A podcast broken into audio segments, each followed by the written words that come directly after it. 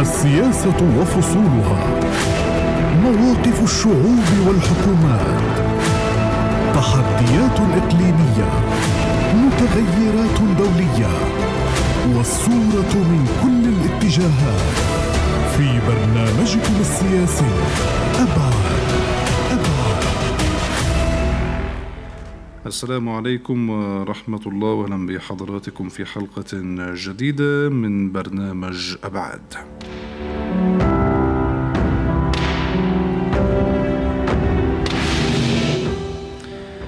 هذا البرنامج السياسي متابعينا الكرام والذي نستعرض من خلاله أبرز الأخبار والمستجدات على الساحة السياسية ونتبع ذلك بالنقاش والتحليل والقراءة للمشهد من مختلف أبعاده وفي محاولة لاستشراف أيضا مآلاته.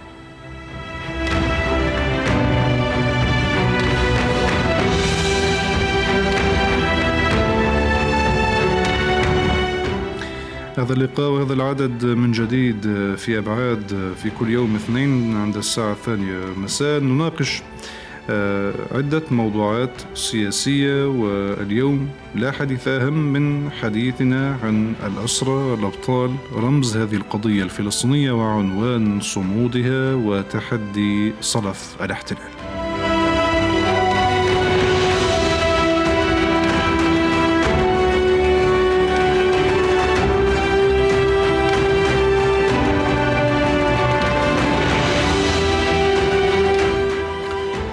الأسرى الأبطال في سجون الاحتلال يخوضون حربا شاملة.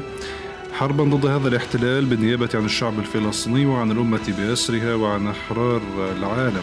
خطوات الاحتلال تتلاحق تتوالى بحقهم خاصة في ظل وجود هذه الحكومة الإسرائيلية اليمينية التي وصل بها الحد بقيادة إتمار بن جافير. لهذا الملف إلى محاولة قطع المياه حتى عن الأسرى محاولة قطع الخبز عنهم ومحاولة اغتيالهم بطريقة أو بأخرى.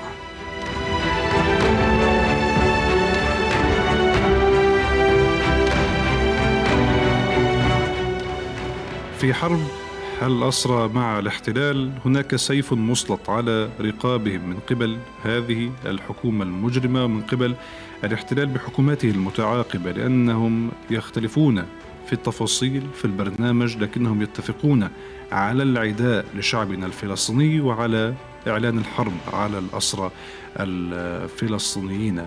هناك اعتقال إداري سيف مسلط بقانون بائد بريطاني لا يستخدم اليوم إلا بحق الفلسطينيين في محاولة تغييبهم قصرا في السجون دون وجود تهمة وكأن الفلسطيني يحاسب على نيته وما خفي واختلج صدرها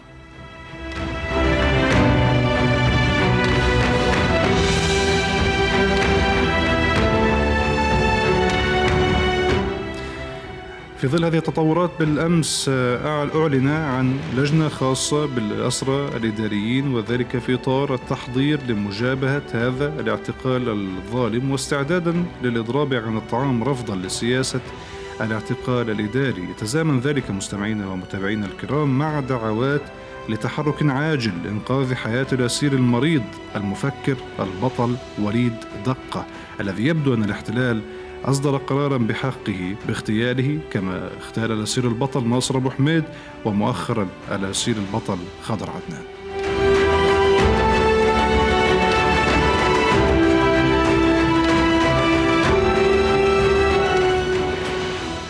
فأهلا بحضراتكم في برنامج ابعاد والذي يأتيكم تحت عنوان تشكيل لجنة خاصة بالاسرى الاداريين استعدادا للاضراب عن الطعام رفضا لسياسة الاعتقال الاداري ودعوات لتحرك عاجل لإنقاذ حياة الأسير المريض. وليد دقة معي ضيوف كارم في هذا اللقاء. ابتداء من ضيفي الرئيسي الأستاذ ثائر شريتح مدير العلاقات العامة والإعلام بهيئة شؤون الأسرى والذي ينضم لي مشكورا من رام الله. أستاذ سير مساء الخير أهلا بك معنا في برنامج أبعاد وعبر راديو الشباب. مساء الخير. أهلا بك سيد الكريم. بداية بالأمس تم الإعلان عن تشكيل لجنة خاصة بالأسرى الإداريين. ماذا عن التفاصيل؟ وما الذي يعنيه ذلك من الناحية العملية على الأرض؟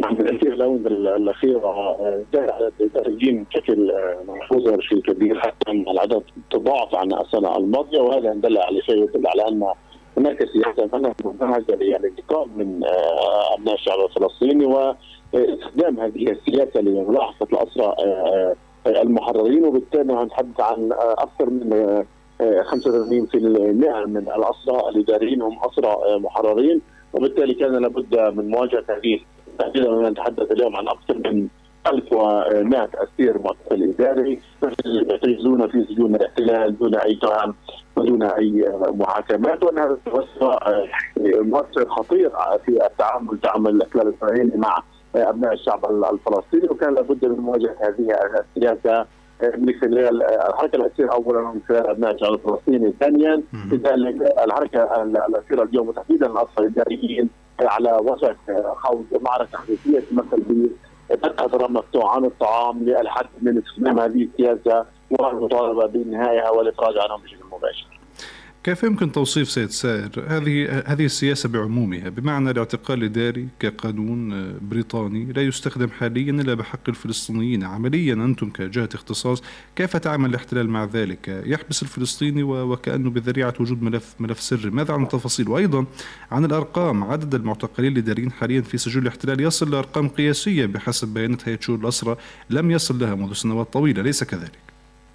اولا الاعتقال الإداري هو إجراء إداري كان يستخدم أيام الانتداب البريطاني اخذته إسرائيل عن هذا الانتداب وقامت بتطويره وتحويله إلى سياسة تستخدم بشكل يومي وأعطته شكل خاص يليق بعنصريتها وبانتقامها وبحفظها على أبناء الشعب الفلسطيني وأصبح استخدام هذه السياسة بيد ما يسمى بضباط المخابرات الذين يتولون مهام أمنية في المنطقة الفلسطينيه وأصبحت هذه السياسة تمتاز بان إسرائيل تظهر بشكل همجي يتنافى مع كل الأعراف والمواثيق الدولية وأن الاعتقال من مبني على مزاجية هؤلاء الضباط من أي تهم ولا أي محاكمات وبالتالي كل فلسطيني معرض عن هذه السياسة. وأن الاجراءات الأخيرة والاتصالات الأخيرة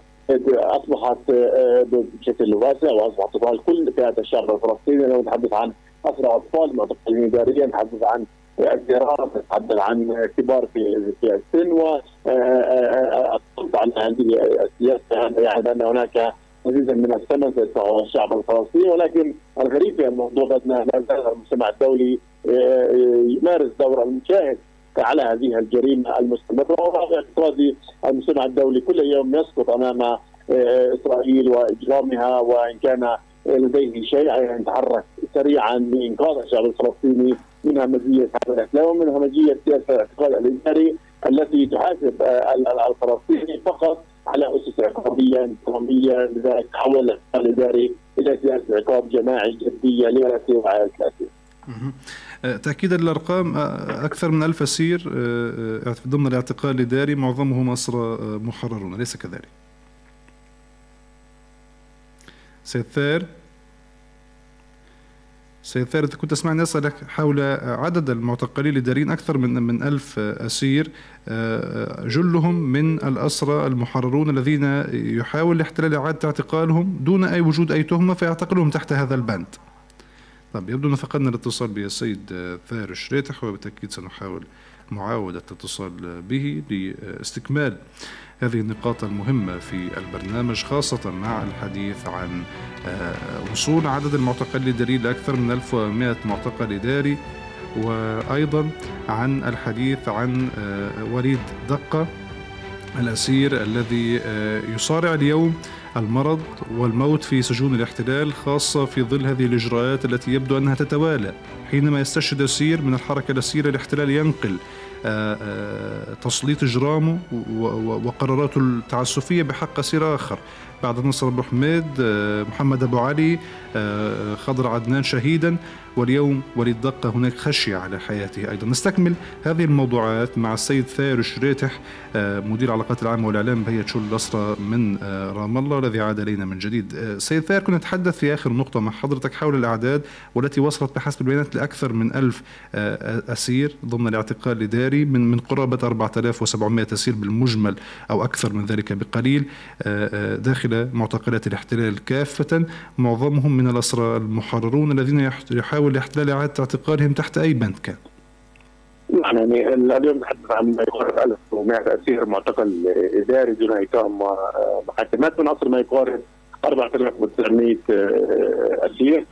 كنا نتحدث ان هناك أطفال بين هذه الأرقام وأن هناك أسيرات وأن هناك اسرى كبار في السن وان في عمليه اعتقال تتم اسمها عن مزاجيه ضبط المخابرات في المنطقة وبالتالي آه، ضبط المخابرات تستطيع اعتقال أي فلسطيني تحديدا إذا كان هناك اسير محرر كون أن الاحتلال يتعامل مع الأسرى المحررين بطريقة انتقامية يواصل ملاحقة هؤلاء الأسرى يواصل التلغيط عليهم ومعاقبة اسرهم وعائلاتهم يتعمد أن يكون هناك دائما فجوة اجتماعية في الأسرة والعائلات الفلسطينية من خلال آه، هذا الاعتقال الذي أصبح لا يطاق وأصبح بحاجة إلى خطوات عملية جدية حتى يتم تسجيل وضع حد له.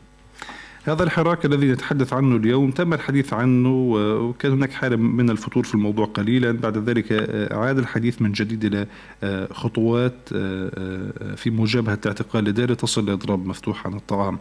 هل الإعلان بالأمس عن تشكيل خا... لجنة خاصة بالأسرى الإداريين يعني اقتراب هذا الموعد لتفجر هذه الحرب من جديد مع الاحتلال الإسرائيلي؟ هل لديكم تفاصيل حول ذلك؟ يعني الكرة الآن في ملعب إدارة السجون وحكومة الاحتلال الإسرائيلي عليها أن تعلم جيدا بأن اليوم الوضع مختلف داخل السجون وأن العطفة سائل من كل هذا الصناف ومن كل هذا الضيق على حياتهم اليومية وأنه لا يمكن أن السجون بأسرى إداريين وان يتضاعف العدد خلال شهور قليلة. أكثر من نصف لذلك الحركه الاخيره هذه المرة جادة. الإداريين يتحدثون بشكل واضح بأن سيبدأ هذا الإضراب بما يقارب بتاثير إداري وأن هذا العدد سيتوسع خلال أيام ليشمل غالبيه الاسرى الإداريين. وسيستثنى من هذا الإضراب فقط الاسرى الذين لديهم حالات مرضيه وأسباب صحية تمنعهم من خوض هذا الإضراب والاسرى القصر. لذلك تراجع اسرائيل عن هذه السياسة وعن هذا العنف المسيس باعتقادي نحن ذاهبون لمرحلة خطيرة ومرحلة صعبة جدا تحديدا أن إسرائيل قتلت الاسير الشيخ خضر عدنان والذي قاد اضراب مفتوح عن الطعام احتجاجا على الاعتقال التعسفي والذي كان يريد الاحتلال نوايا بتحويله لاعتقال الإدارة. أيضا على ذكرنا للشهيد الراحل والأسير المقدام خضر عدنان ومن قبله الشهيد البطل ناصر أبو حميد. وشهداء الحركة الاسيره كم وصل عددهم؟ من حديث أكثر من 237 شهيدا لشهداء الحركة الاسيره وكيف يتعامل الاحتلال أيضا في تعنته في تسليم جثمانهم أيضا؟ سيد ثار في هذا السياق.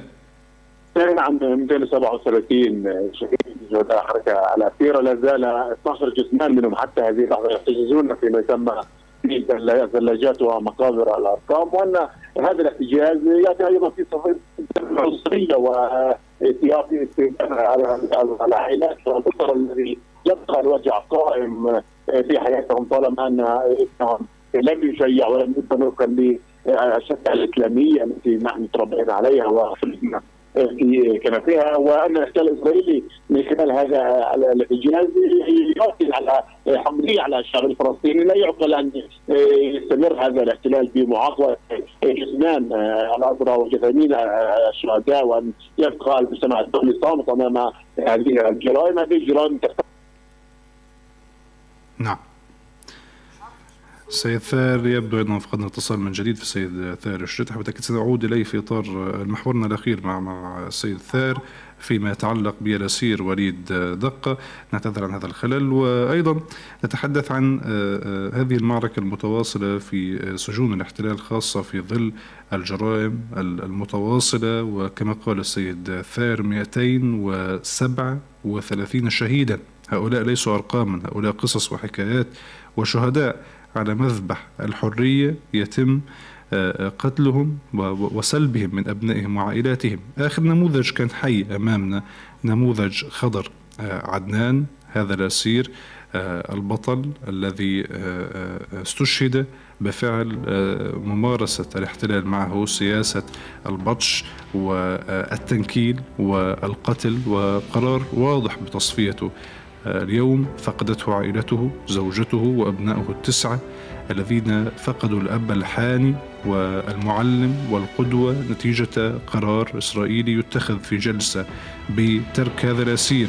يصارع الموت ويصارع هو ومعه الخاوية قرارات آه، آه، الاحتلال المجحفة والتي تتنافى مع كل القيم الأخلاقية والإنسانية والوطنية وتتنافى مع المعايير العالمية حول التعامل مع الأسرة.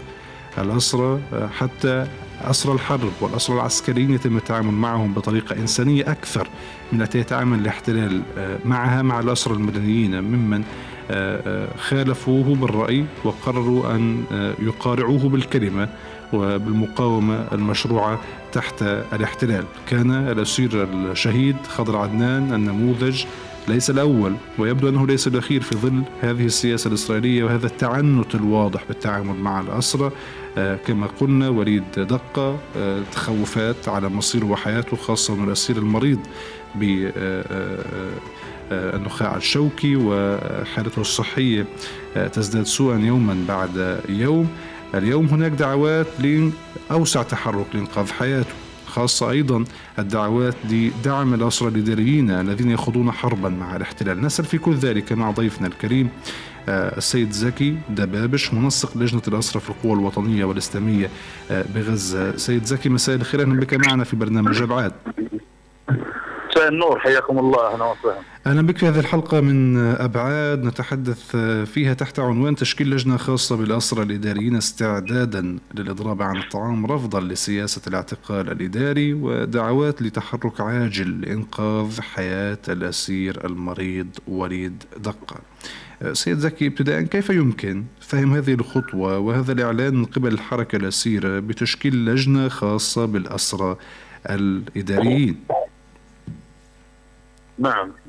يعني هذه اللجنة آه، بعد مشاورات آه، داخل آه، الهيئات القيادية للفصائل في داخل السجون تداعت بعد هذا الاجتماع لتشكيل لجنة وطنية من الأسرى الإداريين من فصائل العمل الوطني والإسلامي لكي يبادروا بالخطوات التصعيدية ضد هذا السجان آه، من أجل آه، آه، إطلاق سراحهم وهذا الظلم الكبير الواقع عليهم وعلى الشعب الفلسطيني من قبل هذا الاحتلال. وهذه الحكومة المتطرفة بقيادة نتنياهو وبن غفير وسموتريتش الذين يعني يوجد اعتقال بالشكل اليومي في الضفة المحتلة وفي القدس وفي فلسطين داخل آه، حتى وصل العدد اليوم لأكثر من ألف وواحد ومن ألف وثلاثة وثمانين أسيرا في داخل سجون الاحتلال في هذا الاعتقال الإداري الذي يستهدف نخب الشعب الفلسطيني حقيقة. آه، وهذه يعني حرب ممنهجة آه، ضد أبناء شعبنا الفلسطيني. حتى يوجد في داخل السجون معتقلين أو اسرى آه، منهم من أمضى أكثر من 17 عاما متتالية في في سجون الاحتلال في هذا الاعتقال الإداري. آه، هذا الاعتقال الإداري الذي أدانه جميع المؤسسات الدولية ولكن دون حراك لإنهائه وصمت المؤسسات الدولية التي يعني ارسلنا لها مئات الرسائل بل آلاف الرسائل قبل ذلك ولكن دون حراك منها ودون جدوى من هذا الاحتلال الذي يضرب بعرض الحائط كل آه، القرارات الدولية بحديثنا عن الاعتقال الإداري آه نعم سيد زكي هذا الاعتقال الإداري المجرم المحرم دوليا والذي لا يستخدم إلا ضمن سيادة هذا هذا الاحتلال على هذا الشعب الفلسطيني وبطشه به. هذا القانون البريطاني البائد الذي لا يستخدم اليوم إلا على شعبنا الفلسطيني. كان معنا السيد ثائر شريتح من هيئة شؤون الاسرى والمحررين قال إنه آه، مدير الإعلام في الهيئة قال أنه هناك أكثر من 1100 فلسطيني اليوم تحت بند هذا الاعتقال الإداري من من أصل 4900 آه، أسير. هذه الأرقام إلى أي مدى خطيرة خاصة في ظل هذا الاحتلال الذي لا يراعي قوانين دولية ووصل لمرحلة أن يعتقل الفلسطيني في ذريعة وجود ملف سري وكأن الإنسان آه، يحاسب على نيته التي لا يعلمها أحد إلا الله. هذا هذا العدد الكبير الذي وصلت إليه آه، في, في الاعتقال الاداري لأكثر من 1083 اسيرا تحديدا يوجد في السجون. في مدة عام واحد أو تسعة شهور زاد العدد من خما من 500 من 500 أسير إداري إلى 1081 مقاربه 900 أسير إداري زيادة هذا العام. هذا شيء خطير على الشعب الفلسطيني باستهداف نخبه آه الوطنية والنخب المجتمعية في داخل آه الضفة الغربية والقدس. إنما آه، يعني هذا بإعلان حرب على على الشعب الفلسطيني وتفريغ آه، آه، المجتمع من القيادات الوازنة ورجال الإصلاح والنقابيون وكل من له علاقة بالمجتمع و آه، يعني يدعو إلى إلى إلى وطنية هذا آه، المجتمع ويخدم هذا آه، يخدم في بلده ووطنه. هو مستهدف من قبل هذا الاحتلال. للاسف الشديد تحت مرأى ومسمع من كل المؤسسات الدولية التي لا تراعي أي اتفاق آه، آه، تم قبل ذلك ولا إنسانية يعني آه، وبغياب وتدخل هذه المؤسسات لما يعطوا ذريعة لهذا الاحتلال بارتكاب الجرائم تلو الجرائم طوال ما هي صامتة ولا تفعل شيء لهذا الاحتلال الصهيوني. اليوم أيضا سلمنا رسائل وفي هذا السياق اسال سنسأل عن هذا الدور حقيقة سيد زكي من منكم ومن كل الوطن الفلسطيني ومن الدور الرسمي آه، أيضا. لكن آه، آه، ماذا عن الخطوات العملية على الأرض؟ اليوم هناك دعوة من الأسرى في كل مرة حقيقة تجدد, تجدد في كل مرة حقيقة هذه الدعوة بدعوة الجماهير الفلسطينية. لأوسع نعم. مشاركة في آه، حملة إسناد الأسرى الإداريين الأسرى آه، يرسلون رسائل للجمهور الفلسطيني بأن دعمهم في الخارج مهم للغاية في هذه المعركة في الداخل. آه، كيف يمكن ترجمة ذلك خاصة مع يبدو اقتراب هذا الموعد لبدء المجابهة ضد الاعتقال الإداري وصول الإضراب عن الطعام؟ ما الذي يمكن فعله فلسطينيا في غزة؟ ما المأمول أمام هذا النداء من الأسرى في الضفة الفلسطينية من مستوى القاعدة الجماهيرية قبل أن نصل في سؤال تالي إلى المستوى الرسمي. نعم الآن آه، اليوم كان دعت لجنة الأسرى القوى الوطنية والإسلامية كل المؤسسات العاملة في مجال الأسرى اليوم إلى اجتماع ظهر آه، هذا اليوم وتم اتخاذ آه، قرار بإطلاق الحملة الوطنية والدولية لإنهاء الاعتقال الإداري في بداية الأسبوع المقبل بإذن الله تعالى. بمؤتمر صحفي سيعقد في غزة وفي الضفة المحتلة وفي الخارج أيضا إيه، سيكون هناك ثلاثة مؤتمرات. ولقد شكلت اللجان الحقوقية اليوم والإعلامية والميدانية للحملة الوطنية والدولية لإنهاء هذا الاعتقال الإداري. وسنبدأ عملنا بإذن الله تعالى يعني بجانب عملنا أيضا لجميع الأسرى في داخل سجون الاحتلال لا سيما الأسرى المرضى والأسير آه، المفكر المريض وليد دقة الذي يصارع الآن الموت وهو في حالة خطيرة جدا. ونحن ننتظر حقيقة إعلان استشهاده في أي لحظة. ويعلم هذا الاحتلال وأوصلنا له رسائل أن الشعب الفلسطيني لن يقف مكتوف الأيدي. ولا مقاومة الشعب الفلسطيني ستقف مكتوفه الايدي إذا ما يحصل لقرة أعيننا وتيجان رؤوسنا في سجون آه، الاحتلال. هؤلاء الإبطال الذين دافعوا عن عن الوطن وعن الإنسان الفلسطيني وأبلوا بلاء حسنا وقضوا في هذه السجون. منهم من أمضى لأكثر من 44 عاما في سجون الاحتلال الاسير آه، القائد نائل البرغوثي يعني عميد الاسرى الفلسطين والعرب ومحمد الصوت أبو شادي أيضا. عميدا في سجون الاحتلال وكثر هناك العمداء في داخل سجون الاحتلال. هناك أكثر من 565 اسيرا آه، محكوم عليهم احكاما عالية في هذه السجون منهم من امضى أكثر من 400 أسير لأكثر من 20 عاما. يعني يجب تدوير قضية الأسرى على وعلى ذكر التدويل آه نعم. على ذكر التدويل اليوم تحدثت عن عن تسليمكم للرسائل سيد زكي لمؤسسات دولية. نعم. كان هناك أيضا في غزة آه، ممثل للاتحاد الأوروبي وهناك آه، عدة جهات يمكن الذهاب إليها بشكل بشكل دائم.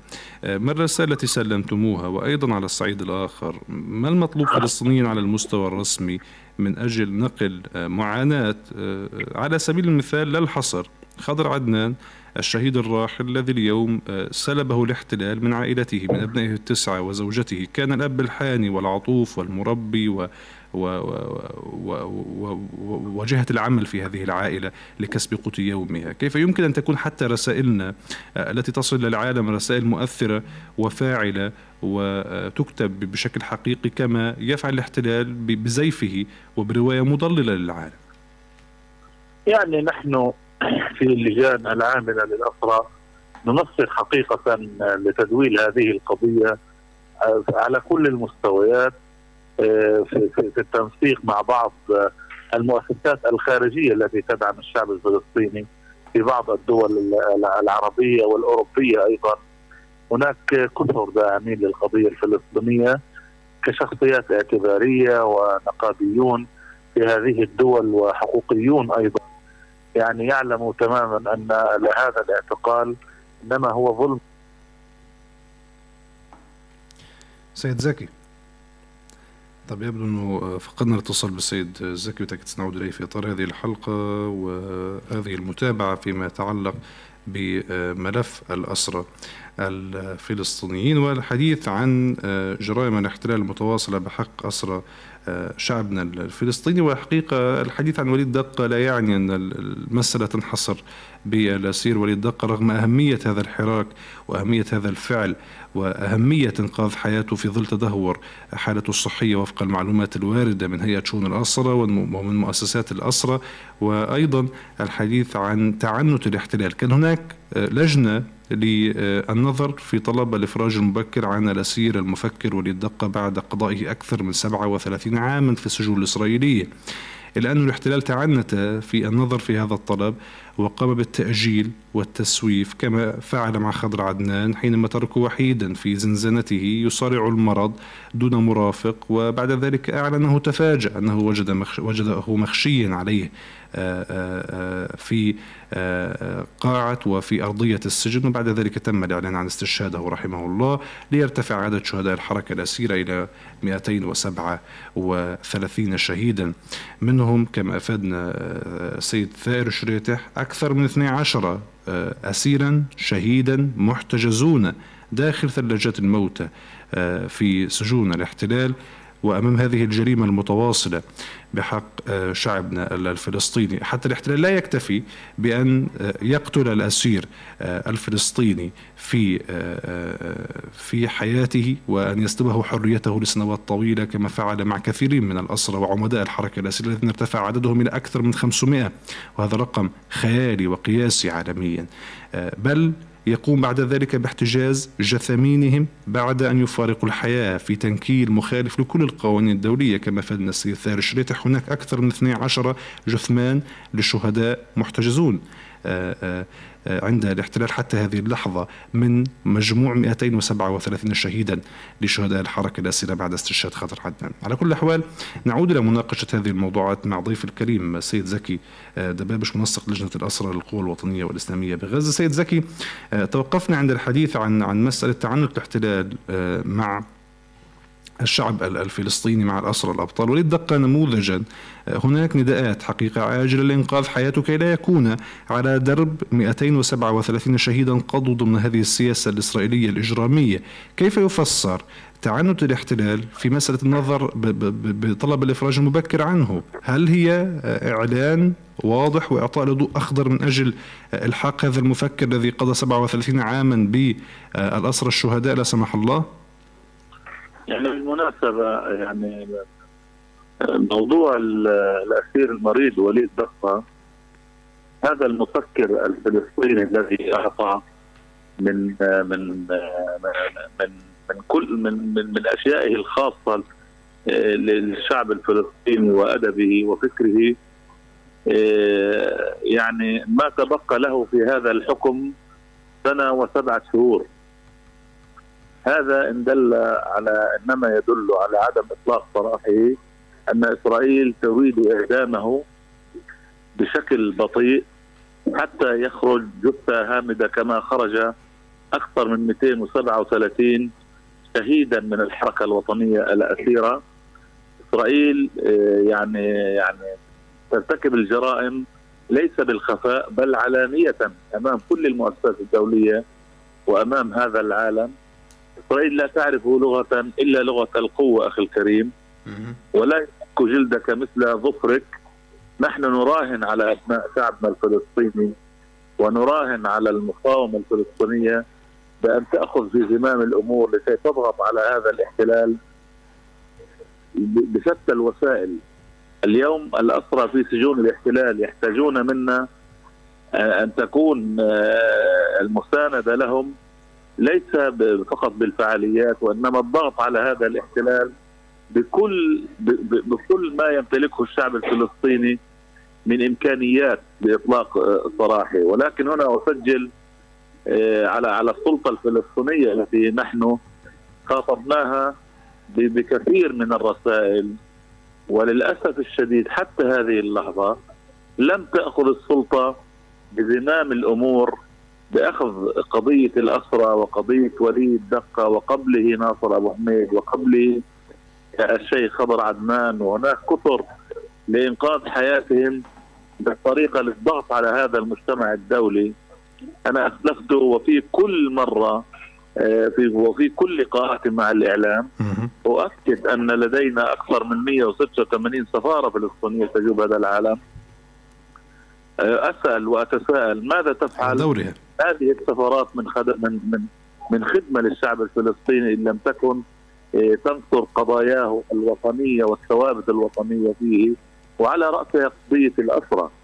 يوجد الآن أكثر من خمسة ألاف أسير فلسطيني يتعرضون للموت البطيء والتعذيب اليومي والاضطهاد اليومي والجرائم المركبة من هذا الاحتلال. الاحتلال يخشى نعم الإعلام أن تشوه صورته ولكن يجب على هذه السلطة ان أن تأخذ بزمام الأمور على المستوى الدولي. هي الجهة الوحيدة لدى الشعب الفلسطيني آه، التي يعترف بها هذا العالم. آه، الأسرى آه، في سجون الاحتلال يسجلون غضبا يعني وعتبا شديدا على السلطة بعدم تحريك هذا الملف أكثر من ذلك لأنه يوجد بطء لديهم في هذا الملف. أنا يعني لماذا لهذا هذا التأخير ولم يؤخذ هذا الملف إلى محكمة الجنايات الدولية حتى حتى حتى هذه اللحظة؟ هناك الملف جاهز وهناك شواهد آه، حية من سجون الاحتلال وأسرى محررين آه، وما الملف جاهز. حتى هذه اللحظة موجود لدى المؤسسات العاملة بالاسرى ولدى هيئه شؤون الأسرى أيضا في رام الله والمؤسسات التي تعنى بشؤون الأسرى. يعني لماذا هذا التأخير إلى هذه آه، اللحظه؟ على أي حال آه، الاسرى يحتاجون منا آه، أكثر جهدا في في الفعاليات الاسلاميه ليس فقط هنا في قطاع غزه بل في الضفة المحتلة. نحن دعونا شعب فلسطيني بان يخرج إلى كل مناطق التماس والاشتباك في الضفة المحتلة يوجد لدينا أكثر من 51 نقطه اشتباك في الضفه المحتله، اذا خرج أبناء الشعب الفلسطيني هناك. لا لتغير الوضع أخي الكريم آه، بالمطلق يعني. على على الاسرى نعم. وهذا دور على على الكل الوطني. وحقيقة كما قلت بانه نداءات الأسرى وبياناتهم التي تخرج آه، خجولة من من السجون بطريقة أو بأخرى تؤكد على انه هناك دور منتظر من الكل الوطني الفلسطيني. وإن شعر شخص ما بأن هذا الدور لن يؤثر إلا أنه يؤثر على الأقل معنويا في هذه المعركة تاكيدا على انه الأسرى هم بوصلة هذه القضية الفلسطينية. وعنوانها الأوحد الذي تختلف عليه كل التنظيمات باختلافها برؤيتها السياسية وطريقتها لمعالجة الأمور. على كل الاحوال نأمل أن أن يستجيب الاحتلال لمطالب الأسرى قبل أن يتم هذا الحراك والذهاب باتجاه خوض ضرب عن الطعام وأن يتم إنقاذ حياة الأسير وليد دقة وغيره من الأسرى المرضى الذين يقارب عددهم على أكثر من 600 أسير آه، مريض بدرجات آه، متفاوتة. وجلهم حقيقة آه، أصيبوا بأمراضهم نتيجة الظروف المعيشية والصحية المخالفة لكل المعايير الآدمية داخل معتقلات الاحتلال على كل الأحوال أنا أشكر حضرتك جزيل الشكر الأستاذ زكي دبابش منسق لجنة الأسرة في القوى الوطنية والإسلامية بغزة. شكرا لوجودك معنا في هذا اللقاء. كما أرحب بالسيد سامي أبو نحل مسؤول ملف الأسرة في تيار الإصلاح الديمقراطي بحركة فتح. سيد سامي أهلا بك معنا في هذه الحلقة من برنامج جبعات والتي نتحدث فيها عن الأسرة الفلسطينيين.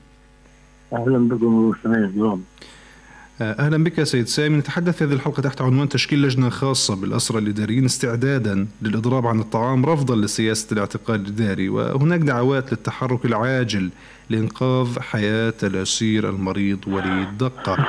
أنتم في تيار الإصلاح الديمقراطي بحركة فتح سيد سامي. كيف تتابعون ما, ما يجري ابتداء مع الأسير القائد المفكر الرفيق وليد دقة؟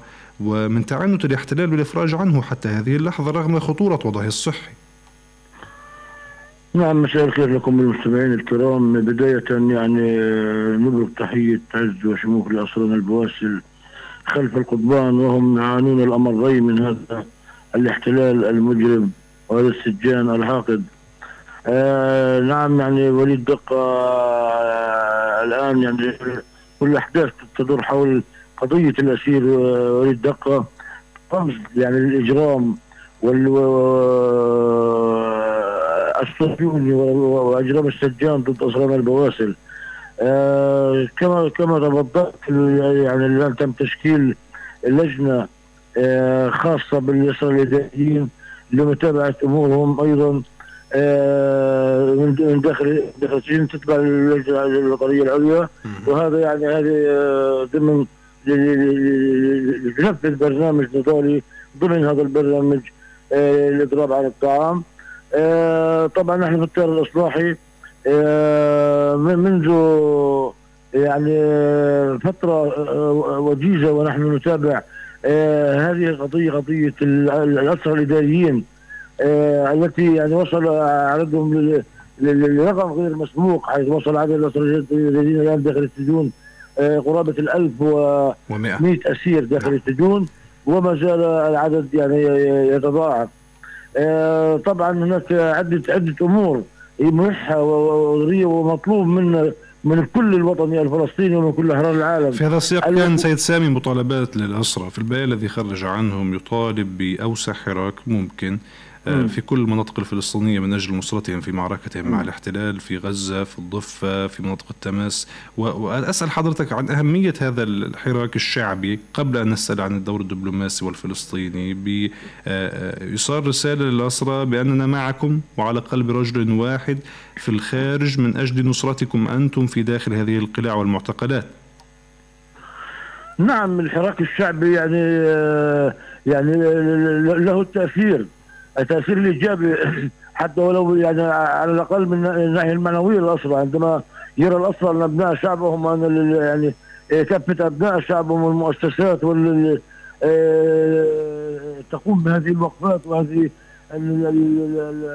الفعاليات لمساندتهم يعلمون أن هناك يعني يعني لهم شعب خلفهم شعب يساندهم وهذا يعني ما يدعي إلى رفع معنوياتهم ويعزز صمودهم في هذه الأوقات العصيبة.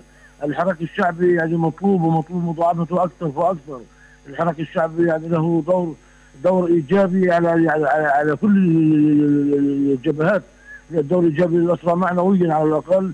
ثانيا يعني يكون له دور يعني دور ضاغط على المجتمع وعلى الإعلام العالمي والدولي. يعني عسى أن يتحرك هذا الدور الدولي الصامت يعني الحراك الشعبي نعم له له تأثير له تأثير. أيضا اليوم عن آه، الحديث عن آه، آه، الحراك الدبلوماسي الرسمي الفلسطيني في مجابهة هذا الصلف الإسرائيلي. قلنا بأنه الأسرى حكايات وقصص ولهم عائلات وأهالي وأبناء ينتظرون أن يخرجوا. للحرية إلا أن الاحتلال بسياسته يقوم بقتلهم كما فعل مع خضر عدنان الشيخ خضر عدنان الشهيد آه، الراحل حينما ترك عائلته وأبنائه آه، وكان ضمن هذا الاعتقال الإداري الذي آه، شكل سيف مسلط على رقاب الأسرى الفلسطينيين وعلى الشعب الفلسطيني. اليوم ما المطلوب برأيكم؟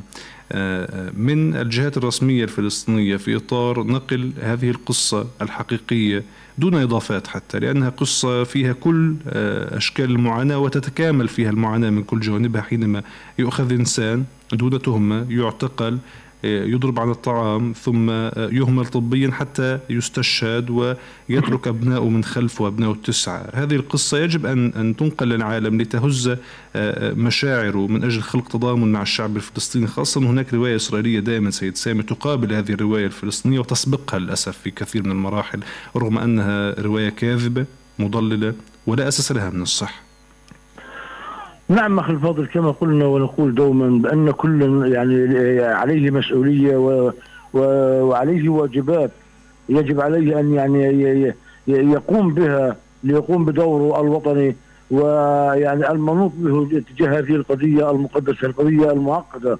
يعني هذه قضية الأسرى هي كما تفضلت يعني هي مجموع من المعانيات وهي خليط من من من, من يعني من من الجروح والآهات و وجريمة متكاملة الأركان. يعني تدار أو تساق ضد اسرار داخل السجون على يد السجان مقابل يعني آه، صمت هذا العالم الدولي. ولكن كما قلنا يعني الشعوب أو الشعب الفلسطيني وطيف الشعب الفلسطيني تقوم بدور الفعاليات؟ وهذا ما تستطيع أن تقوم به آه، بحكم يعني آه، استطاعتها أو المتوفر لديها ولكن على المستوى الرسمي أن يكون يعني عليه أن يكون ند لهذه يعني الرواية الصهيونية الكاذبة التي يسوقونها على العالم وذلك يتم يعني تنشيط وتفعيل كافة يعني مقرات وسفارات نعم. آه، دولة, فلسطين في الخارج آه، خاصة وأن يعني آه، لدينا مقرات سفارات وقنصليات تقريبا تغطي كافه بلدان العالم. نعم أكثر من 180 يعني سفاره حول رئيسي ومهم قنصلي. على المستوى الرسمي أن يعني يضاعف من آليات وأن يبتكر آليات آه، حديثة تلمح هذا العالم وتحرك هذا العالم.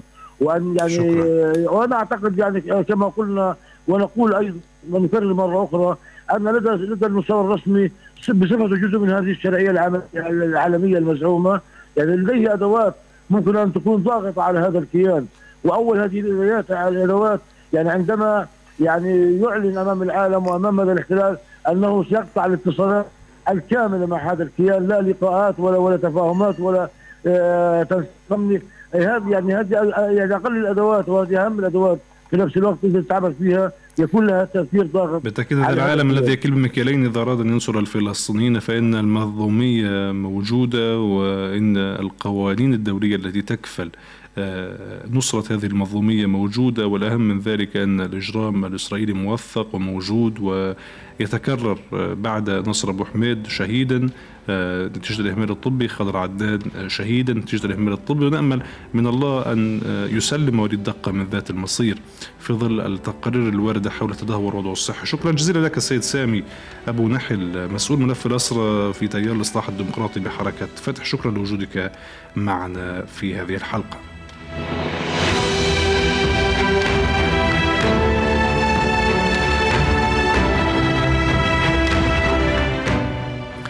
الشكر كذلك للضيوف الكرام الذين كانوا معنا في هذا البرنامج السيد ثائر شريتح مدير العلاقات العامة والإعلام بهيئة شؤون الأسرة رام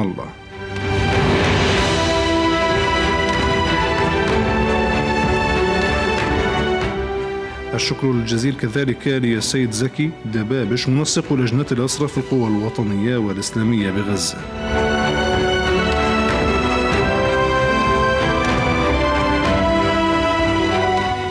بالتأكيد كما قلنا مستمعينا الكرام إذا أراد آه، المجتمع الدولي الذي يكيل بمكيالين أن ينصر شعبنا الفلسطيني فإن هناك أدوات وقوانين تكفل ذلك. اتفاقية جنيف الأربع والعهد الإنساني الدولي المتعلق بالتعامل مع حقوق الإنسان وحقوق المدنيين وحتى ما يتعلق بمعاملة المدنيين في أوقات النزاع والحروب.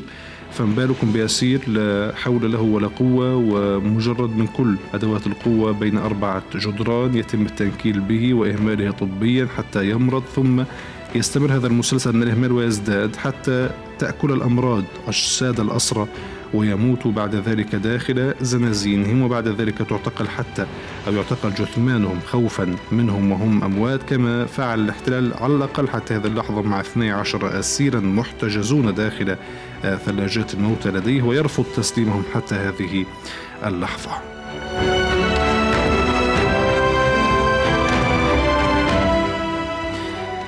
هذه الحلقة من برنامج أبعاد والتي جاءت تحت عنوان تشكيل لجنة خاصة بالأسرى الإداريين استعدادا للإضراب عن الطعام رفضا لسياسة الاعتقال الإداري ودعوات لتحرك عاجل لإنقاذ حياة الأسير المريض وليد دقة.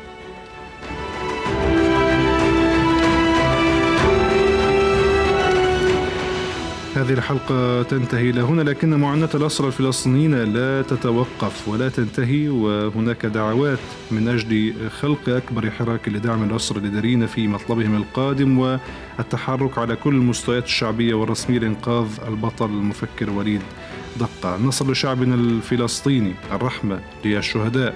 النصر للأسرى وآمل أن نلتقي دائما على خير الأسبوع المقبل في ذات الموعد في برنامج أبعاد وعدد جديد وواقع شعبنا الفلسطيني آمل أن يكون دائما بأفضل حال. شكرا لكم وأينما كنتم في أمان الله وحفظه. السلام عليكم ورحمة الله.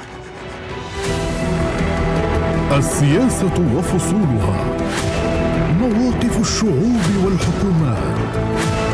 تحديات إقليمية. متغيرات دولية. والصورة من كل الاتجاهات. في برنامجكم السياسي أبعاد.